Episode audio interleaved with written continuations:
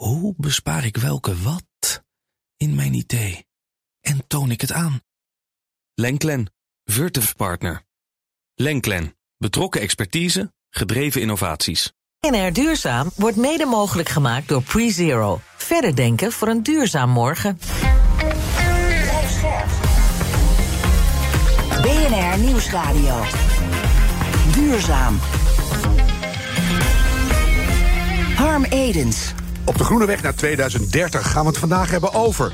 Het uitstellen van de wet die maatschappelijk verantwoord ondernemen verplicht. Hoe we mensen uit het hele land meer moeten betrekken bij een duurzame wereld. En het beschermde Noordzeegebied is vanaf nu 16 keer zo groot. Het was een beschamende 0,3 procent, maar dat is verleden tijd. 5 procent van de Noordzee is nu beschermd natuurgebied. Het is een begin, zullen we maar zeggen. En dat was hoog tijd.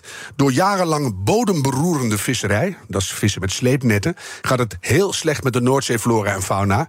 Maar nu mag dat niet meer in drie gebieden die samen een oppervlakte hebben van de provincie Drenthe. Het gaat om de Klaverbank, de centrale oestergronden en het Friese front. Daar kan nu snel herstel optreden, want onder water gaat dat rap. In 2030 is het de bedoeling om via het Noordzeeakkoord 15% van de Noordzee te beschermen. En dat klinkt alweer ietsje beter. Ik ben Harme Edens, dit is BNR Duurzaam. En ons groene geweten is deze keer Klaske Kruk van Circularities. Klaske, je hebt nieuws meegebracht dat jou de afgelopen dagen opviel. We douchen korter en we zetten de verwarming een standje lager. Gasverbruik in Nederland daalde in 2022 met maar liefst een kwart. Allemaal om de energierekening naar beneden te krijgen. Maar geld investeren om eigen woningen structureel duurzamer te krijgen, die bereidheid die is dan weer wat lager. Blijkt uit onderzoek van de Nederlandse Bank. Dat is iets minder dan 30% als het gaat om kleine maatregelen. Denk aan tochtstrippen en zo. En echt grotere investeringen, dan moet u denken aan zonnepanelen of warmtepompen. Dat is uh, maar 16% Ja, mooi ook meervoud tochtstrippen. En uh, dan nieuws van de TU Delft. Zij werken daar aan technologie waarmee accu's mogelijk veel langer meegaan. Hiep, hiep, hoera, zeg ik. Ja, de Volkskrant die schrijft hierover. Het is een beetje een technisch verhaal, maar waar het eigenlijk op neerkomt, is dat het laagje wat om die accu heen zit, uh, dat, is het, uh, dat, dat wordt beter beschermd door nieuwe zouten eraan toe te voegen. Mm -hmm. En daardoor transporteert die dus beter die energie. Dat betekent dat die accu dus langer meegaat en mogelijk zelfs twee keer zo lang dan nu het geval is. Uh, ze moeten de technologie natuurlijk nog wel verder uitwerken, maar laten we hopen dat het inderdaad zo goed is als de eerste testresultaten laten zien. Ja, dat is echt hoog nodig, hè, want we hebben heel veel van die zeldzame aardmetalen nodig. Dat stijgt zelfs 4000 procent de komende jaren. Dat is gewoon niet goed. Tot slot, een wetsvoorstel die maatschappelijk verantwoord ondernemen verplicht. We hebben er veel over gehoord. Die lijkt het vooralsnog niet te gaan halen. Wat is er aan de hand? Ja, zes partijen hebben eerder zo'n wetsvoorstel ingediend. Uh, betekent dat de grote uh, bedrijven verplicht worden om iets te doen tegen kinderarbeid, uitbuiting en milieuvervuiling. No-brainers zou je zeggen. Mm. Uh, ze moeten misstanden melden in een jaarverslag en een, met een soort plan van aanpak komen om daar wat aan te doen. en nu is er alleen nog geen meerderheid in de Kamer voor deze wet. En het kabinet zegt namelijk: ja, deze wet gaat veel verder dan de regels in de landen om ons heen. En dat is dan weer slecht voor het vestigingsklimaat. De minister stelt: we moeten dit gewoon EU-breed great regelen. Ja, het was nog niet op de agenda of Boskalis begon al te piepen. Even, dan gaan we het land uit. Terwijl als je die drie dingen ziet, kinderarbeid, uitbuiting en milieuvervuiling, dat zou je toch als bedrijven allemaal intrinsiek eh, niet moeten willen doen. Vind jij hier nog iets van? Ja, ik vind er zeker wel wat van. Uh, sowieso, het, ik vind het ook een beetje een drogreden. Hè? Of, of, überhaupt, waarom zijn we net bang dat uh, bedrijven die slecht doen voor onze samenleving het land verlaten? He, ja, oké, okay, daar valt wel wat voor te zeggen. Maar het is ook nog een beetje een drogreden. Want je ziet landen waar het dus wel goed gebeurt. Dus bijvoorbeeld uh, Nieuw-Zeeland of Zweden. Ja, je ziet eigenlijk dat die bedrijven juist een voordeel hebben ten opzichte van alle landen daaromheen. Ja. En ik heb dagelijks te maken met bedrijven die, uh, he, die zeggen: joh, het is veel makkelijker om slecht te doen in deze wereld dan om het goede te doen. En alsjeblieft, kom nou iets met regelgeving, zodat het gaat lonen om hier aan te werken. Dus ik vind het een uh, niet zo'n best plan om dit uit te stellen. Nee, zouden we het ook niet gewoon voorop kunnen gaan lopen als Nederland? Dat we zeggen: moet je kijken wat die Nederlanders doen. Die zijn goed bezig. Daar willen we zitten met ons bedrijf. Nee, dat is het. En we zijn nogal afhankelijk hè, als Nederland. Onze hele economie is afhankelijk van allerlei grondstoffen over de hele wereld heen en over alle, van allerlei uh, culturen. Mm. Dus wij juist hebben daar een enorme rol in te spelen. Dus uh, laten we aan de slag. BNR Duurzaam. Zijn nieuwe kerncentrales een goed idee? En hoe belangrijk is het dat we voor onze energievoorziening niet meer afhankelijk zijn van het buitenland? Duizenden Nederlanders praten deze weken mee over het energiebeleid in Nederland. Niek Mouter is van Populytics en zij organiseren deze volksraadpleging. Want zo heet dat, Niek. Ehm, bij een volksraadpleging denk ik meteen aan een referendum, maar dat is het niet. Wat is het verschil? Ja, bij een referendum daar krijg je vaak een uh, voorstel voorgelegd en dan is het gewoon ja of nee. Mm En bij een, uh, een, raadpleging die wij doen, uh, dat gaat een stuk verder. Uh, wat we eigenlijk doen is we bootsen een dilemma na van een minister. Dus we gaan ook met de assistenten van de minister praten om dan te vragen wat is nou eigenlijk een knoop die moet worden doorgehakt. Dat bootsen we na. En mensen kunnen dat hele dilemma dan eerst doorleven. Ze zien allerlei opties die kunnen worden gekozen, maar ook ja, als je deze optie kiest, dan gebeurt er dit. Als je die optie kiest, dan gebeurt er dat. Ja, en dan, dan verplaatst zich daar ongeveer 20 minuten in. Ze geven een advies en ze kunnen het ook motiveren. Aha. Dus het is een veel genuanceerdere manier. Kan je zo een voorbeeld van zo'n dilemma geven? Wat, wat, waar, waar worstelt de minister mee op dit moment? Ja, bijvoorbeeld bij uh, kerncentrales, waar je het net over had, daar zit uh, bijvoorbeeld een vraag uh, in. Ja, als we kerncentrales gaan bouwen, wat vind je dan het belangrijkste dat de minister rekening mee houdt? Vind je dan vooral belangrijk dat er, ja, we hebben ook gekeken wat, wat je nog qua veiligheid kunnen doen? wat zou je nog kunnen doen met de, de, opslag van het afval? nou, voordelen geven aan mensen die in de buurt van de kerncentrale wonen, kosten. Hm. je krijgt eigenlijk dat hele dilemma te zien. En dan is de vraag, wat voor soort keuzes je dan maken? Ja. Maar ook kunnen mensen, en dat is ook een verschil met het referendum, ze kunnen het ook motiveren en dat is ook eigenlijk voor de, voor de minister gewoon belangrijke informatie van waarom vinden mensen dan dat ik dit moet doen. Zelfs als er een droggeneratie tussen zit, kan je hem er ook uitpikken. Want dat is blijkbaar een misvatting waar veel mensen mee rondlopen. Dus dan kan je daar rekening mee gaan houden. Nou ja, je kan. Uh, we hebben bij vorige raadpleging, want dit is de 22e keer in de laatste jaren dat we het doen, we hebben het ook voor coronabeleid uh, gedaan. Dat je ook kan zien van oké, okay, uh, mensen die eh, ja, een bepaalde voorkeur hebben, wat zijn hun argumenten? En als je denkt, nou, die argumenten die, die kloppen niet helemaal, weet je ook wat je moet doen qua communicatie. Precies, dat lijkt mij heel waardevol informatie. Uh, jij zei net uh, bijvoorbeeld een dilemma is kerncentrales, die, die komen nu al. Maar uh, kunnen we daar nog iets mee? Kan je er nog een paar noemen? Wat voor dilemma's? Want er zijn er tien die ze krijgen. Wat zit er zoal tussen? Ja, dus een, een, andere, een andere vraag is: nou ja, er zijn tien, tien dingen waar de minister de komende jaren rekening kan houden bij het nieuwe energiesysteem. Mm -hmm. En welk van die tien dingen vind jij dan het belangrijkste waar de minister rekening mee houdt? En één daarvan is bijvoorbeeld: we moeten zo min mogelijk afhankelijk zijn van het buitenland. Ja. Maar als je dat zou doen, dus je zou zeggen: we gaan alles in Nederland doen dan gebeurt er heel erg veel voor de leefomgeving. Dat is ook een van de tien dingen waar mensen nou, aan kunnen geven. Dat vind ik heel belangrijk of minder belangrijk. Ja, ja maar bij, bij zo'n voorbeeld kan je. Ik hoorde meer, meerderheid al roepen. Ja, laten we vooral zelfvoorzienend worden. Zoek het maar uit, meneer de minister. Ja, maar dan zie je dus ook wat, het, wat, het allemaal, wat er allemaal bij komt kijken. Want dan moeten er dus wel bijvoorbeeld kan het dan betekenen dat we veel windmolens, zonneparken ja. en kerncentrales op land moeten bouwen. Dat zien mensen dan ook. En eigenlijk vinden wij het dus heel belangrijk dat mensen ook een keuze maken, gegeven wat de consequenties zouden kunnen zijn. Het is ook merken hoe complex het is. Hè? Het klinkt een beetje als een burgerberaad. Is, dat, uh, is, is het vergelijkbaar? Ja, we combineren dit heel erg. We hebben dit nu drie keer in Nederland gecombineerd bij een burgerberaad. Eigenlijk een burgerberaad, daar gaan mensen dan nog veel, veel dieper op de stof in. Ja, het duurt Alleen, langer. Dit is gewoon een korte versie. Ja, kijk, bij, bij het burgerberaad, dat, dat, dat is het voordeel daarvan is dat je er heel diep op kan ingaan. Ja. Het nadeel is dat er vaak maar 150 mensen aan een burgerberaad kunnen meedoen. En dat zijn eigenlijk ook mensen die uh, tot de zogenaamde babbelende klasse behoren. Want je moet eigenlijk vier... Ja, vier, de babbelende klasse. Daar hoort ja. zeker toe, denk ik. Ja. Nou, dus, dus, dus, en, en, we merken dat bijvoorbeeld laagopgeleide mensen... dat die positiever zijn over deze raadpleging die we doen dan, dan hoogopgeleide. Omdat zij het soms fijn vinden om ja, gewoon uh, achter hun computer hun mening te kunnen doorgeven aan de minister. Ja, maar ik vind het toch wel een mooie vergelijking van Klaske. Want het, het gaat allemaal gaat het over complexe vraagstukken. En om daar echt iets zinvols over te vinden. Bij een burgerberaad ben je gewoon uh, acht sessies en hele lange periodes bezig om die materie helemaal te doorgronden. Jullie doen 20 minuten uh, semi-degelijke inleiding en dan moet je wat vinden. Ehm, komen daar goede dingen uit waar je wat mee kan? En zo niet, is het dan toch nog zinvol, behalve dan die, die misvattingen in de samenleving? Nou, we zien bij, bijvoorbeeld bij de vorige raadpleging die we hebben gedaan in 2021 hadden meer dan 10.000 mensen aan meegedaan. En daar bleek dan uit dat 25% een hele extreme mening heeft. 15% die kan je dan weer onderverdelen in mensen die zeggen: Nou, ik geloof niet in klimaatverandering. En mensen die zeggen maximaal gewoon alles doen. Ja. Maar dan had je ook een middengroep van 75%. En daar konden we dan uit al die argumenten.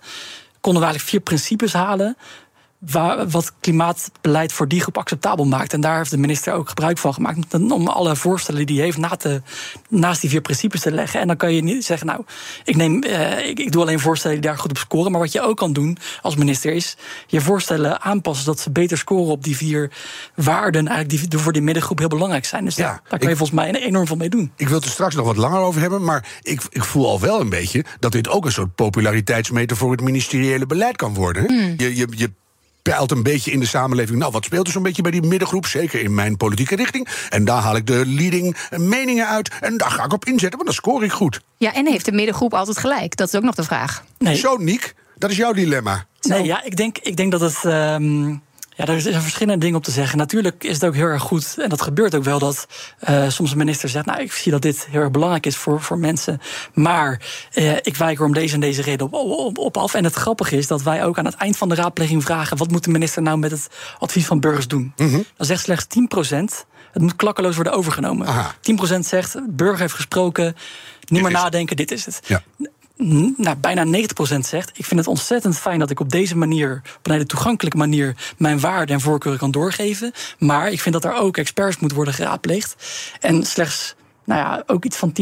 ik weet niet precies de cijfers die zegt... Ik ga verhuizen. experts moeten, experts moeten gewoon beslissen. Dus burgers hebben- Ja. moeten niks te zeggen hebben. Ja, maar dat, die 90% vind ik toch interessant. Dat mensen ook hun beperkingen kennen. Want ik, ik denk ook altijd dat ik, het, dat ik het overal verstand van heb. Dus Ja. Klaska, is het toch een goede manier, even als je iets verder inzoomt... om te zeggen, we moeten die burgers ook meenemen... in dat klimaatbeleid, het energiebeleid, al die grote veranderingen. Is het toch een manier om dat eh, een beetje aan te jakkeren? Ja, ik denk het wel. Eh, dat is een van de dingen waar heel veel burgers natuurlijk nu het gevoel bij hebben van ja, het gebeurt allemaal maar over mijn, ehm, eh, mijn graf heen, zeg maar. Of hè, ik heb, Graf nou, graf klinkt heel naar. Ja. Maar hè, ik heb er vrij weinig in de melk te brokkelen. En ja, met zulke soort thema's blijkt ook echt wel dat het, dat het heel belangrijk is. Hè. De WW, het WFF heeft daar laatst onderzoek naar gedaan ook. Hè. Die zegt van eh, eh, burgers vinden het zelfs nog belangrijker dat het redelijk gaat. Hè. Die verdeling van die klimaatlasten hè, of het klimaataanpak dan dat we CO2 eh, per se maximaal reduceren.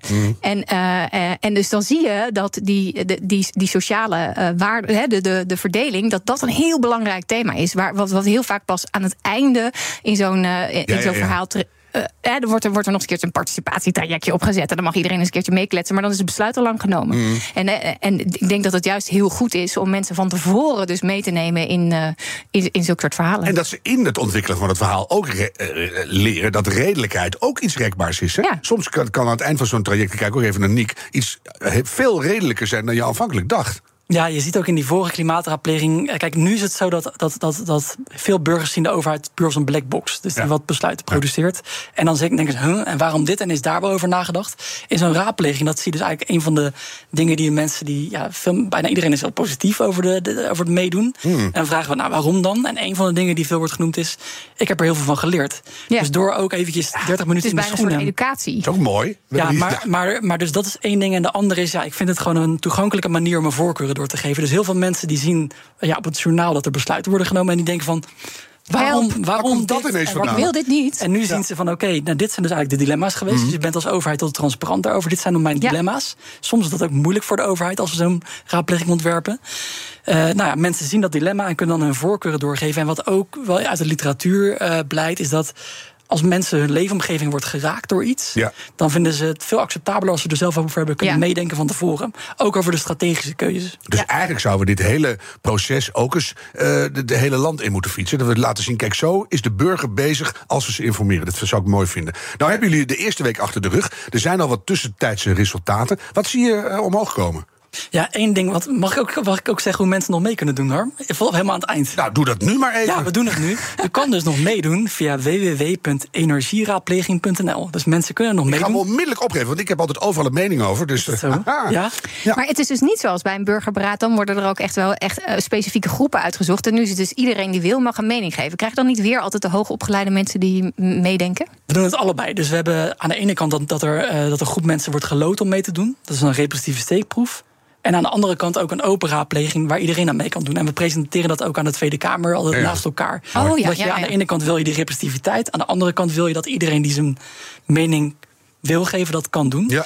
Je had een vraag over de tussen. Ja, ik wil even weten wat er zo, zo speelt nu. Ja, dus één ding wat ik zelf gewoon wel leuk vind om te zeggen... is dat we hebben ook gevraagd, nou, hoe waardeer je de raadpleging? Ehm, nou, dat het de, de, van de 22 raadplegingen die we hebben gedaan... veruit het meest positieve is. Dus het cijfer wat mensen geven is het hoogste. Maar dat, wat ook interessant is, is dat... Ja, het is alleen maar om Populytics nu weer omhoog te duwen. Nee, nee, nee, Ik wil weten wat er aan keiharde inhoud komt, omhoog komt, komt. eraan, komt eraan. nee, maar wat ook wel interessant is, dat we ook hebben gevraagd... wat bent u van plan te gaan stemmen bij de verkiezingen? Aha. En daar zien we dus bij alle politieke partijen... dat ook mensen een voldoende geven. Bij sommigen, bijvoorbeeld bij Forum Democratiestemmers... voor Democratiestemmers is bijvoorbeeld 6,5, wat aan de lage kant. En bij sommigen, bij 1 en BVNL 9. Maar iedereen dus wel, wel, wel, wel positief. Ja. Mhm. Maar dan de resultaten. Nou, wat, we kunnen natuurlijk nog niet te veel zeggen... want we willen niet de mensen Nee, maar gewoon even die, eh, geur. nou, bijvoorbeeld wat ik zelf eh, vanochtend eventjes zag... was dat eh, er toch vooral... eh, er, er is best wel veel gelijkheid tussen hoe mensen het, het invullen... maar bijvoorbeeld mannen en vrouwen wel verschillend. Ehm, je ziet bijvoorbeeld dat vrouwen vinden dingen heel erg belangrijk... als dat de, ja, de keuzes die we, die we nu maken... dat die goed uitpakken voor mensen over 100 jaar. Vinden ze belangrijker dan mannen. En Maar mannen ook niet, dat er... Harm? Ja, maar, Maar- ik, ben, ik ben niet zo'n hele typische man. Nee, we hebben het over gemiddelde harm. En, en een ander punt wat, wat vrouwen meer, meer ja, scoren dan mannen... is dat we nu alles uit de kast gooien om klimaatverandering tegen te gaan. Bij mannen is, zijn er twee dingen weer wat belangrijker dan bij vrouwen. En de een is, ja, ik wil niet gedwongen worden om een keuze te maken. En de ander is, ehm, ja, ik wil er toch voor zorgen... dat bedrijven die belangrijk zijn voor de Nederlandse economie... ook in Nederland kunnen blijven. Dus je ziet wel tussen die twee groepen wel verschillen. Maar we zien eigenlijk meer, en dat is ook wel belangrijk voor de, voor de politiek... meer overeenkomsten dan verschillen tussen Ook mensen. leuk, hè? Dan kan je ook die andere dingen nog eens even extra benadrukken soms. BNR Nieuwsradio. Duurzaam. Harm Edens. Burgers betrekken bij klimaatbeleid. Daarover gaat het in deze aflevering van BNR Duurzaam. Onze gast is Niek Mouter van Populytics... dat in opdracht van overheden volksraadplegingen organiseert. En klassieke crux is er weer, dat is ons groene geweten. Ehm, in 2021, je, je hint er net al een beetje naar... is een klimaatraadpleging geweest met vragen over vleestaks en kilometerheffing. Ehm, daar kwamen dingen uit. Kan je nu bijvoorbeeld zien, wat is ook belangrijk... wat je nu aan het doen bent, hè? Wat, wat het kabinet echt uitgepakt heeft... en ook omgezet heeft in beleid? Ja, daar was ook een vraag over van, eh, van Renske Leijten van de SP en Joost, eh, Joost Eerdmans. Die vroeg aan eh, minister Jette laatst van... nou, hartstikke goed die raadpleging, maar wat heeft u er nou mee gedaan? Ja. En dat- het antwoord van de minister was dat zij vooral dus die vier principes, dus dat waardesysteem van die middengroep, dat dat wordt gebruikt bij de be- beoordeling van beleid. Dus misschien niet zozeer dat ze zeggen, nou, vleestaks wel of niet, maar vooral van, oké, we weten nu eigenlijk wat eigenlijk de diepere waarden zijn van die middengroep. En nou, daar komen dan die vier criteria uit. Ja. En ik, ik hoorde, ik zag, ik zag de minister eh, laatst nog bij, ehm, ehm, bij, een- bij, bij een uh, Galit en Sophie, een talkshow. Ja, mhm. En daar noemde hij weer die, die, die, die, eh, die waarden eh, op. Dus het is wel zo dat het gewoon goed, goed is om dat wel in je hoofd te hebben. Maar het is ook een manier om die, die klimaatkompas een beetje eh, in de, de juiste Noord-Zuid-richting ten opzichte van die burgers te zetten. Dat je denkt van, die moeten het snappen wat wij doen. En dus helpt het om te vragen wat zij belangrijk vinden, zodat we waar het overeenkomt, kunnen we het versterken. En waar het niet klopt, kunnen we het beter uitleggen. Ja, en kijk, en als het zo is dat je, dat je eh, ook je beleid kan verbeteren aan de hand van, van, van dat soort principes, dat je kan denken: oh ja, kijk, als we. Als we ja, het, het, kan ook de creativiteit vergroten. Ja, dat dat je ook nog eventjes daaraan denkt bij het maken van beleid. In opdracht van de provincie Noord-Holland hebben jullie een raadpleging over stikstof gedaan. Kwam daar nog iets uit? Dat zijn we nu aan het ontwikkelen. Dus die, die zijn we nog niet aan het. eh, die- daar zijn we nu middenin. Maar dat, dat is wel eentje die we ook, eh, die we ook eh, gaan doen. Dat inderdaad. lijkt mij wel revolutionair, want een zak geld op een boerderij gooien lijkt mij niet een degelijke oplossing. Heel gek misschien, maar Misschien is het wel, wordt het wel een van de opties, Harm. ja. Ik Maar, dat welke keuzes heeft een burger daar dan in? Nou ja, kijk, wat het interessante is van, van, van, van die casus, daar zijn we nog, die zijn we nog heel erg aan het ontwikkelen. Die raadpleging is dat je soms ziet dat de, eh, de pijn die er soms wordt gevoeld, ook bijvoorbeeld bij melkveehouders, die gaat misschien niet eens over dat stikstof, maar misschien ook over andere dingen. Ja. Ja. Bijvoorbeeld over. ehm, Maar ja, zal- zal ik hem groter trekken? Want dat is uiteindelijk gaat deze hele uitzending over hoe krijg je de hele bevolking, of er nou Ja, boeren zijn ja. of ambtenaren of groene, donkergroene bubbelaars, eh, mee in het samenmaken van een nieuwe wereld. Maar dat gaat niet alleen wat mij betreft over klimaatverandering, Nee. maar ook over grondstoffentekort en biodiversiteitsverlies. Heer, heer. Eh, hoe, hoe krijg je die nou mee? Ja, en dat als vraag ik- eigenlijk aan jullie alle twee. Dus laten we beginnen met Niek. Als ik één, één eh, wens mag eh, uiten, Ja. eh, is dat je eigenlijk bij alle gemeentes in Nederland. eh, de vraag stelt van nou, we hebben allerlei opgaven in Nederland en in de wereld. Welke opgaven gaan wij nou vooral als gemeente oppakken? Mhm. En dat kan dan zijn ehm, verduurzaming, maar dat kan ook zijn. Nou, er zijn ook asiel, asielzoekers die moeten worden opgevangen. En wat, dat je meer als gemeente nadenkt, wat, waar, waar, waar, gaat, waar zijn we trots op? En ook dat je dan weet in het grote geheel Ja. welk deeltje je dan doet. Ja, en, en je zegt, elke gemeente doet wat, iedereen doet wat. En wat gaan wij nou als gemeente doen? En daar gaan we dan ook heel trots op zijn met z'n allen. Dat je het. Daar, En dat kunnen we van elkaar leren natuurlijk. Ja. Klaske? Ja, de vraag uh, hoe we burgers meekrijgen, toch? Ja. Nou, um, ik denk dus sowieso dat, eh, eh, dat het vanzelf gaat gebeuren. Omdat eh, de, bijvoorbeeld klimaat en grondstoffen en zo, dat wordt steeds een groot probleem. Dus dat gaat helpen. Maar ik denk, ik geloof zelf heel sterk in een soort van peer-effect. Uh, dus het effect van uh, mijn buren doen mee. Mm -hmm. wij, wij, regionaal ken ik mensen die, die ook meedoen. Dat werkt het beste. Het is een heel leuk TED-filmpje over dat ze een wijk hebben ingedeeld in drie delen. En één deel, proberen ze allemaal water, of hoe heet het, zonnepanelen te verkopen. Eén gedeelte van de wijk, daar zeggen ze moet je doen. is financieel rendabel. Andere gedeelte van de wijk zeggen ze: de wereld staat in de fik. Dus moet je doen. Mhm. En de andere is van: kijk, jouw buren die hebben zonnepanelen. Moet je doen. Nou, Die laatste werkt het beste. Precies. ja. Dus Ja. Hè, dus het, het effect van: ik ben niet alleen, eh, het wordt een nieuwe norm, enzovoort. Dat gaat ongelooflijk helpen. En dus ook goede voorbeelden in het zonnetje zetten. Eh, mensen die het al goed doen, dat, dat helpt heel erg. En het stiekem, stiekem zijn we daar ook best wel snel al. Want hè, je hoeft maar 16 tot 25 procent van de wereldbevolking mee te nemen. En dan heb je Tipping point, transitie. je bent er al. Niek, dus die verhalen van jullie die jullie ophalen, met name die geur die eruit opstijgt, dat is het allerbelangrijkste. Hè? Ik denk het wel. Ja, ik was heel blij dat je hier was. En eh, blijf dat goede werk doen en blijf erover vertellen. Niek Mouten van Populitics, dank je wel. En eh, ja, eh, succes met de volgende raadpleging. Waar was het? www.volksraadpleging.nl www.energieraadpleging.nl Zie je? Toch goed dat je het nog even zegt. Klaske, wat neem jij mee naar huis? Ik ga dit zeker ook invullen, want ik heb natuurlijk ook altijd een mening.